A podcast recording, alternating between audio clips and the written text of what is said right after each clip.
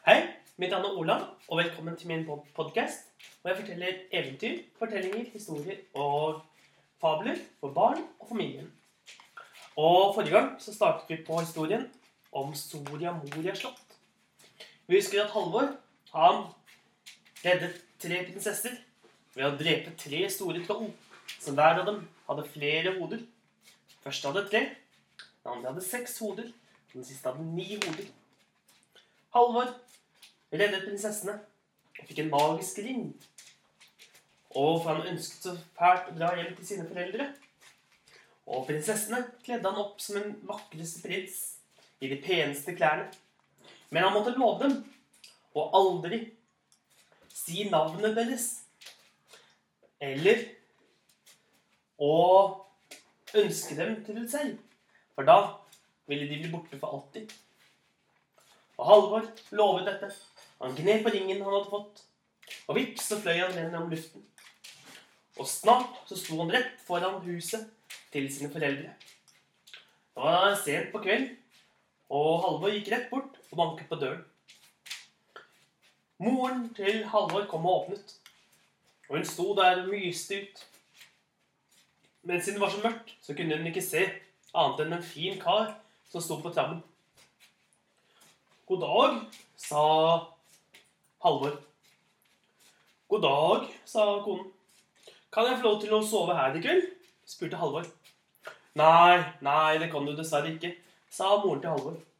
Du har Du er altfor fin til sånt. Vi har ikke noe vi kan tilby deg. Vi har verken mat eller drikke.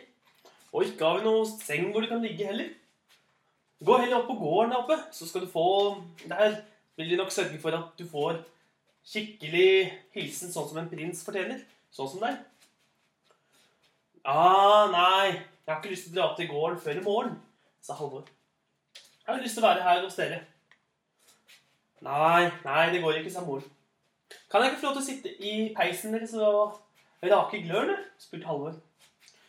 Hun hadde ikke noe å si på det, så han fikk jo lov til å sitte der, da. Og mens han satt der, så fortalte de hverandre historier Foreldrene til Halvor fortalte om hvordan de hadde hatt en sønn som het Halvor, og hvordan han hadde reist av gårde.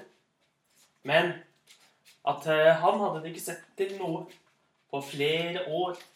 Og de visste ikke om han levde eller ikke. Ja, Kan ikke det være meg, da? spurte Halvor. Nei, det går ikke, sa moren. Du er altfor fin.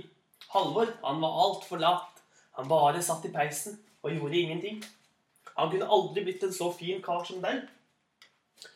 Og så kom hun litt nærmere og satte seg ved siden av Halvor. Og i lyset fra glørne så så hun at det var Halvor. Neimen, er det deg, Halvor? Og du skal tro det ble glede hos de gamle foreldrene. De jublet, og de satt og koste seg foran peisen hele natten.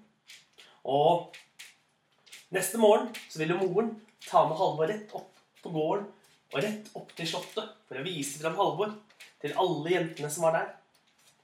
Alle jentene som en gang hadde gjort narr av Halvor, da hadde han bare satt i peisen og rakte i glørne. Nå skulle de få se at det var blitt skikkelig karavan, og at han virkelig hadde blitt som en prins. Og tidlig neste morgen så dro de av gårde opp på slottet. Og der sa, sa den gamle konen til eh, de på slottet at alle jentene måtte komme og se. For nå hadde Halvor kommet tilbake. Halvor var nemlig kommet tilbake som en prins. Og alle begynte å le, for alle visste at Halvor han var den mest fillete, den med de fillete klærne, som bare satt og rakte i peisen. Og ingen trodde at han skulle kunne bli noe annet. Så, når de da fikk se Halvor stå der kledd opp som en prins, da var, fikk de alle sammen et stort sjokk. Og de alle sammen beklaget og unnskyldt seg for at de hadde vært slemme mot Halvor før. Og Halvor sa Ja, ja, dere syns jo ikke noe særlig om meg før. Og ja visst så syns dere dere er vakre. Men uh, dere er ingenting imot den eldste prinsessen. Og den mellomste prinsessen hun er enda vakrere. Men den aller vakreste, det er den yngste prinsessen. Og hun er kjæresten min. Skulle ønske de hadde vært der, så skulle de få sett hvor vakre de er. Og ikke før han hadde sagt det, så sto de tre prinsessene der. Og Halvor, han kom på hva han hadde lovet dem. At han ikke måtte ønske seg dem til seg. For da ville han aldri kunne se dem igjen. Og han gråt og ba om unnskyldning. Spurte om ikke de ville bli med inn på slottet. Nei, det ville de ikke. Men uh, vi kan heller gå en tur, sa de. Så gikk de sammen en tur og kom til et stort vann, hvor de satte seg ned. Kom, så skal jeg lyske deg, sa en av prinsessene. Og hun tok til lyske håret til eh, Halvor mens han lå med hodet i fanget hennes. Og ikke før så sovnet han. Og hun tok ringen som hun hadde gitt til ham, den magiske ringen av fingeren hans, og satte på en helt alminnelig ring. Så tok hun tak i hendene til søstrene sine og ønsket dem alle tre til Soria Moria slott. Og vips, så var de borte. Og Halvor våknet, og han var ute av seg av både sorg og ulykke. Han gråt, og det var ikke måte på hvor lei seg han var. Men uansett hvor mye han gråt og klagde, så kom det ikke tilbake. Han dro hjem til sine foreldre og sa at han måtte få med seg matpakke. For han skulle dra av gårde til Soria Moria slott for å finne prinsessene sine. Han skulle finne kjæresten sin og søstrene. Og eh, foreldrene sa at han måtte ikke dra av gårde. Men uansett hvor mye de tagg og ba, så dro Halvor av gårde. Og så han fikk med seg en svær matpakke i sekken sin, i tillegg til alle pengene de hadde. Det var 300 daler. Og han la på vei. Han gikk og han gikk. Og siden så red han på hesten sin. De kom til en stor skog. Og veien virket lang. For uansett hvor lenge han gikk gjennom skogen, så ble ikke skogen noe kortere. Han kom ikke noe nærmere. Han fortsatte å gå hele dagen, hele natten. Og ennå hadde han ikke kommet ut av skogen. Han fortsatte dag nummer to og gikk gjennom skogen helt til han kom til en slette. Men ennå så han ikke enden på skogen. På den tredje dagen, når dagen begynte å mørkne, når det begynte å bli kveld, da så endelig Halvor noe langt av gårde. Oppå haugen, og en haug i nærheten, der var det en liten hytte. Og Halvor gikk rett opp og banket på. Og der bodde det to gamle mennesker. En gammel kone og en gammel mann som var så gamle og så grå og så hvite i håret at de så ut som de var flere hundre år gamle. God kveld, sa Halvard. God kveld, sa kjerringa. Eh, hva slags ærend har du? Det har ikke vært eh, gjester her på over hundre år. Å, jeg skal til Soria Moria slott, jeg, sa Halvor. Kan dere veien? Nei, sa kjerringa. Ikke kan jeg veien til Soria Moria slott. Men eh, bli litt, så skal jeg spørre månen. Kanskje månen har flydd forbi. Og når kvelden kom og månen tittet fram, så gikk kona ut på trappen og ropte opp til månen. Måne! Måne! Kan du fortelle oss veien til Soria Moria slott?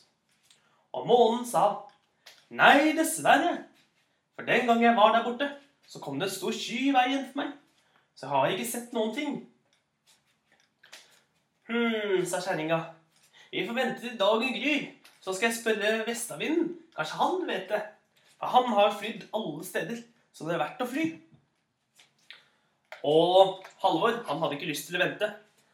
Han hadde lyst til å dra av gårde til Soria Moria slott med en eneste gang. Men kjerringa sa nei, bli litt og vent på vestavinden. Så fikk hun øye på hesten til Halvor og sa for en vakker hest du har. Eh, har du lyst til å bytte den med meg? Jeg har noen støvler.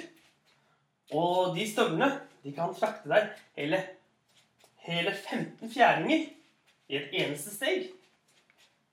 Fjæringer, sa Halvor. Eh, det vet jeg dessverre ikke hvor langt det er. Ja, 15 fjæringer Det er det samme som eh, 3,5 mil, sa kjerringa. I et eneste steg.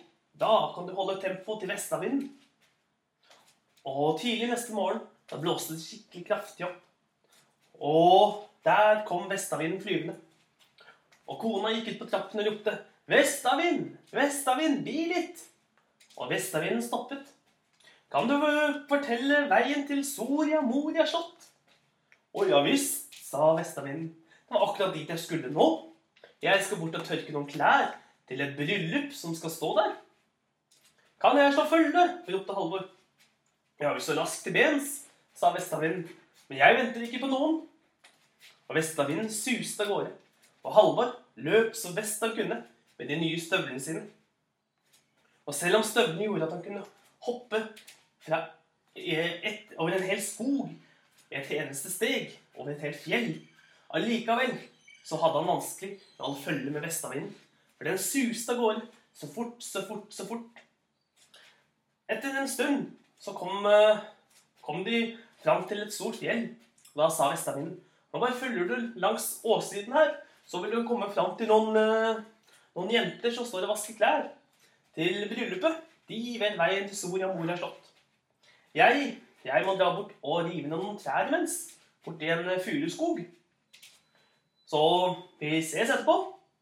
Og vips var vestavinden borte. Og Halvor fulgte langs åssiden. Snart så kom han bort til der hvor jentene sto og tørket klær. Og han spurte, 'God dag, kan dere fortelle meg veien til Soria Moria slott?' 'Ja visst, det er dit vi skal senere i dag', sa de. 'Vi bare venter på vestavinden, som skal komme og tørke klærne våre.' Og så fort vestavinden hadde tørket klærne deres, så dro de bort til bryllupet alle sammen. Der var det et kjempestort bryllup med så mange gjester at Alvor, Halvor aldri hadde trodd han hadde sett makene før. Der var det, sto det hester i alle slags farger. Der var det hundrevis, kanskje tusenvis av fine folk som alle skulle på fest i Soria Moria slott. Og så var det bryllupsmiddagen, hvor alle satt rundt bordet.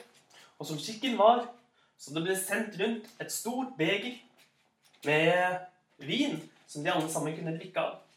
Når begeret kom til Halvor, da tok han av seg ringen som han hadde fått av prinsessen, og la den oppi koppen og sa 'Dette er en gave til prinsessen'. Og når glasset kom fram til prinsessen, og hun så ringen, da kjente hun igjen hvem det var sin. Hun visste at dette var Halvor sin, og hun sa 'Jeg vil gifte meg med han som har reddet meg fra trollet', og som har reist helt til Soria Moria slott og tatt med seg ringen min. Og hun utpekte Halvor. Og så ble det holdt bryllup. For han og hun giftet seg og levde lykkelig i alle sine dager. Og det var fortellingen om Soria Moria slott.